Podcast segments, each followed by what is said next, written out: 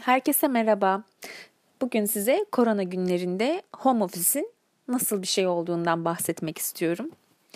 Şimdi müthiş düzenli, aydınlık bir oda düşünelim. Ee, bu odada büyük bir pencere olsun ve pencerenin önünde de bir masa ve o masa yine çok düzenli. Masanın üzerinde laptopunuz, laptopunuzun yanında da kahveniz olsun.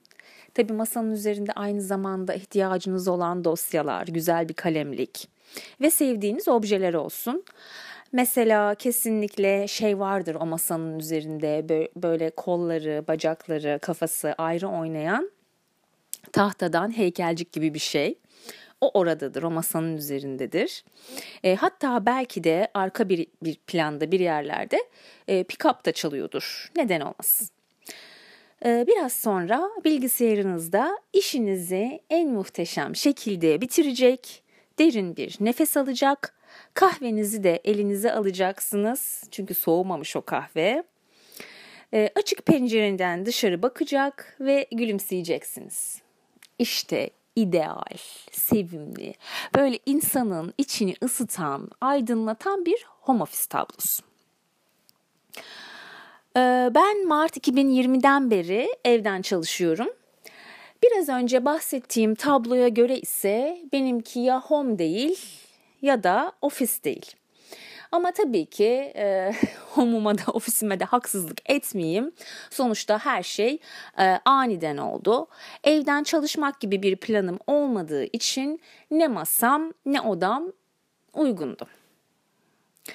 E, şimdi Düşününce aslında sabahın köründe ki son 5 senedir falan gerçekten sabahın köründe e, kalkıp belki de toplu taşımaya binip e, işe gitmek gerçekten zor. Ve e, bu uzun zamandır yani home office uzun zamandır iş arkadaşlarını pek sevmeyen ya da gerçekten sosyalleşmeyi sevmeyen ya da insan teması minimumken mutlu olanlar için bir hayaldi. Yani bir idealdi. Keşke evden çalışsam. E, keşke hani işimi evden yürütebilsem gibi bir düşünce vardı. İstediğin saatte kalk. Kendi mesaini kendin belirle. E, ne kadar çalışacağına kendin karar ver. Bunlar kabul etmek gerekiyor ki kulağa hoş gelen şeyler. Ve koronadan önce de bu tarz çalışan insanlar vardı ve biz onlara freelancer diyoruz. Yani serbest bir kuruma bağlı olmadan çalışanlar. Freelancerlar bir kuruma bağlı olmadan çalışır yani şöyle diyeyim tek bir kuruma bağlı olmazlar. Ee, farklı farklı çeşitli çeşitli şirketlerden, kurumlardan artık neyle ilgili çalışıyorlarsa iş alırlar ve işlerini evden yürütürler. Ee, benim şimdi ilk düşününce aklıma gelen çevirmenler, editörler, yazarlar, hatta muhasebeciler evden çalışabilir.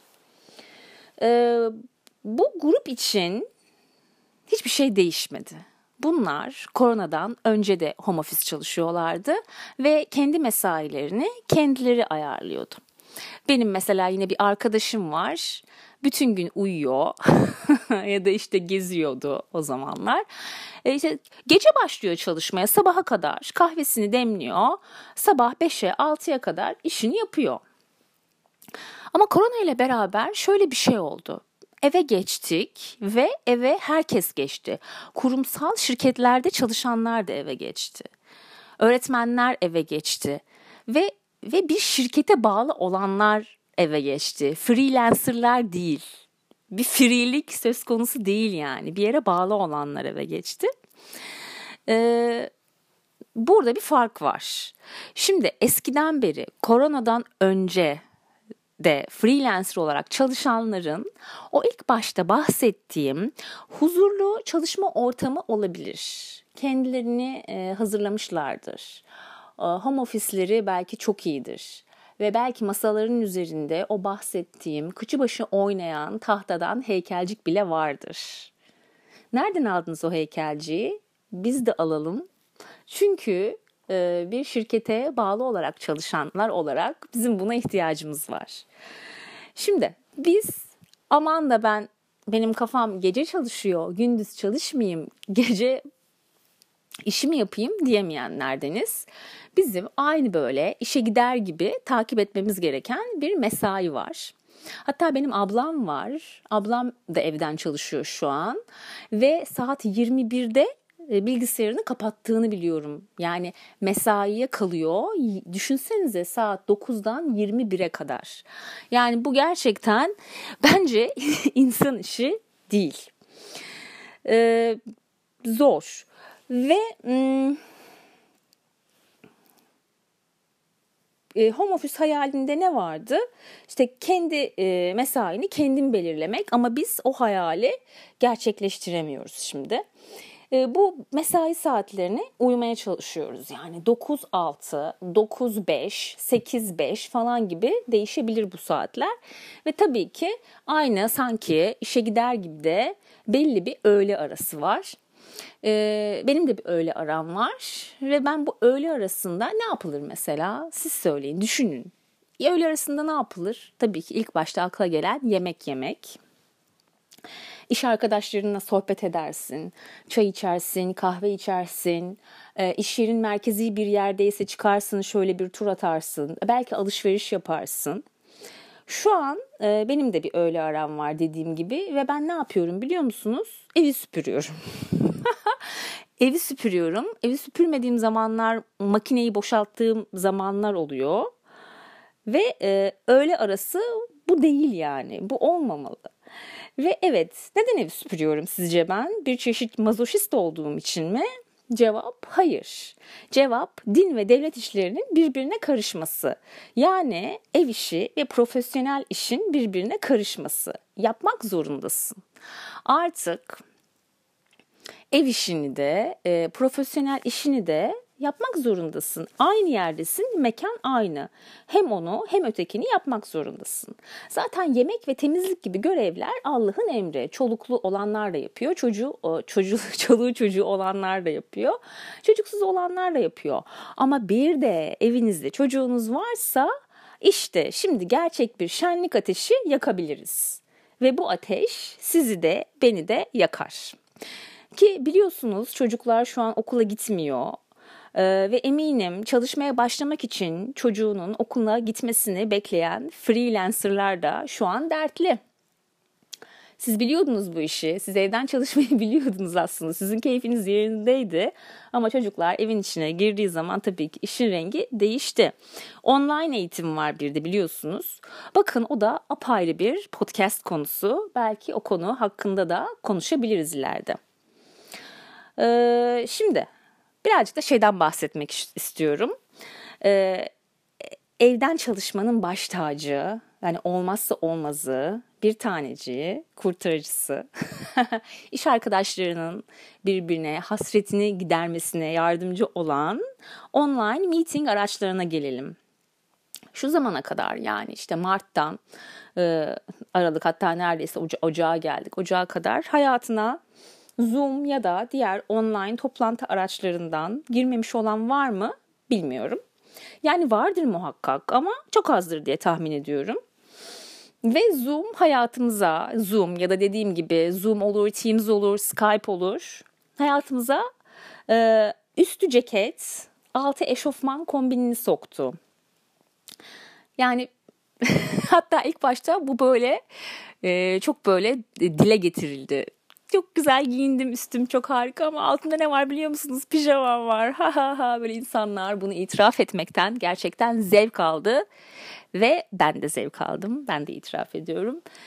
Ee, böyle guilty pleasure oluyor. Guilty pleasure yani senin karşıda kameran açık. Senin böyle çok şık belki de makyajlı görüyorlar ama altında eşofmanım var. Hatta belki de o iğrenç mor pijamam var. Ama tabii o gözükmüyor.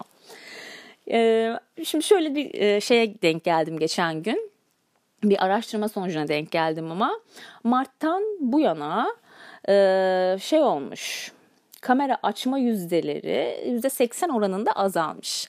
Hani artık e, insanlar ondan da zevk almıyor. Hani onun heyecanı da bitti. Ee, yani o ilk zamanki heyecan kalmadı. Herkeste bir yorgunluk, bıkınlık ve artık bit artık e, korona havası var. Üzerine ceket geçirme dönemi bitti. Pijama devam, kamera kapalı dönemine geçildi. Ama gerçekten bu online meeting özellikle Zoom tabii ki çok popüler oldu. Skype yine yıllardır bilinen bir şey. Ama Zoom cidden gerçekten çok ünlü oldu. Çok ayrı bir yeri oldu hepimiz için. Ve o Zoom toplantılarında o ilk başlarken olan o karmaşa, o e, mikrofonun sesinin açık kalmaları, insanların evlerinden gelen sesler, televizyon sesleri, çığlık sesleri, gerçekten çığlık sesleri geliyor. Ben insanın evinden o kadar çığlık sesi geleceğini tahmin etmezdim ama geliyor. Neden? Çünkü işte arkada kardeşler belki kavga ediyor.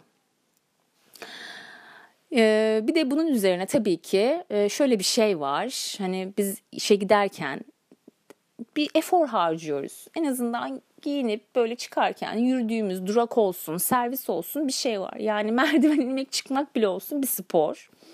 Ama evden çalışanlar bunun hiçbirini yapmıyor. Sadece sadece evde oturuyor ve tabii ki bu da çok büyük bir sırt ağrısı, bel ağrısı gibi şeyler yapıyor. Bu da çok büyük sıkıntı. Ama Tüm bu karmaşaya ve sırt ağrılarına rağmen hala maskeleri yüzünde, sabahın köründe işe gitmeye devam eden, yine maskeleri yüzlerinde mesailerini tamamlayan, önerilmemesine rağmen kalabalıklarda çalışmak zorunda olan e, kişiler yanında e, bu korona günlerinde yaşadığımız sırt ağrıları çok da büyük dert değil gibi ne dersiniz? Anlatmak, sizinle paylaşmak bana çok iyi geldi. Umarım siz de dinlerken e, keyif almışsınızdır ve e, kendinize yakın bulmuşsunuzdur bazı şeyleri, aynı şeyleri yaşamışsınızdır belki. Bir sonraki kayıtta görüşmek üzere. Hoşçakalın.